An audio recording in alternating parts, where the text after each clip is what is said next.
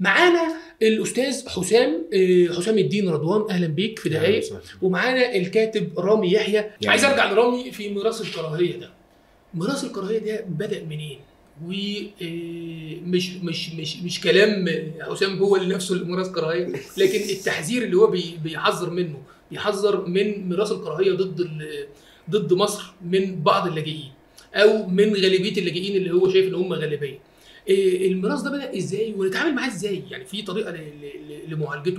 أنت شايف إيه؟ يعني واحد السودانيين المرة الثالثة مش لاجئين. السودانيين مقيمين في مصر بناء على اتفاقية الحقوق الأربعة اللي موقعها الدولة المصرية مع الدولة السودانية. مم. تمام؟ ف هو الرئيس سماهم لاجئين.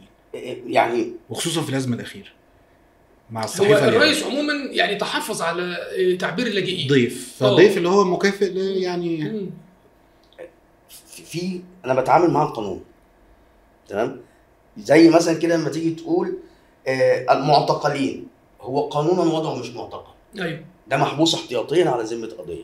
فما تقوليش معتقل لأن عمليا ده مش طيب ميراث الكراهية ده بقى. ف... آه. فدي نقطة مهمة بس إن آه. الناس دي مش لا... هم مش لاجئين. لما يبقى؟ يقدم ورقه أي سوداني داخل مصر هو داخل طبقا لاتفاقية الحقوق الأربعة. لو فبالتالي له حق الإقامة وله حق كذا وله حق كذا.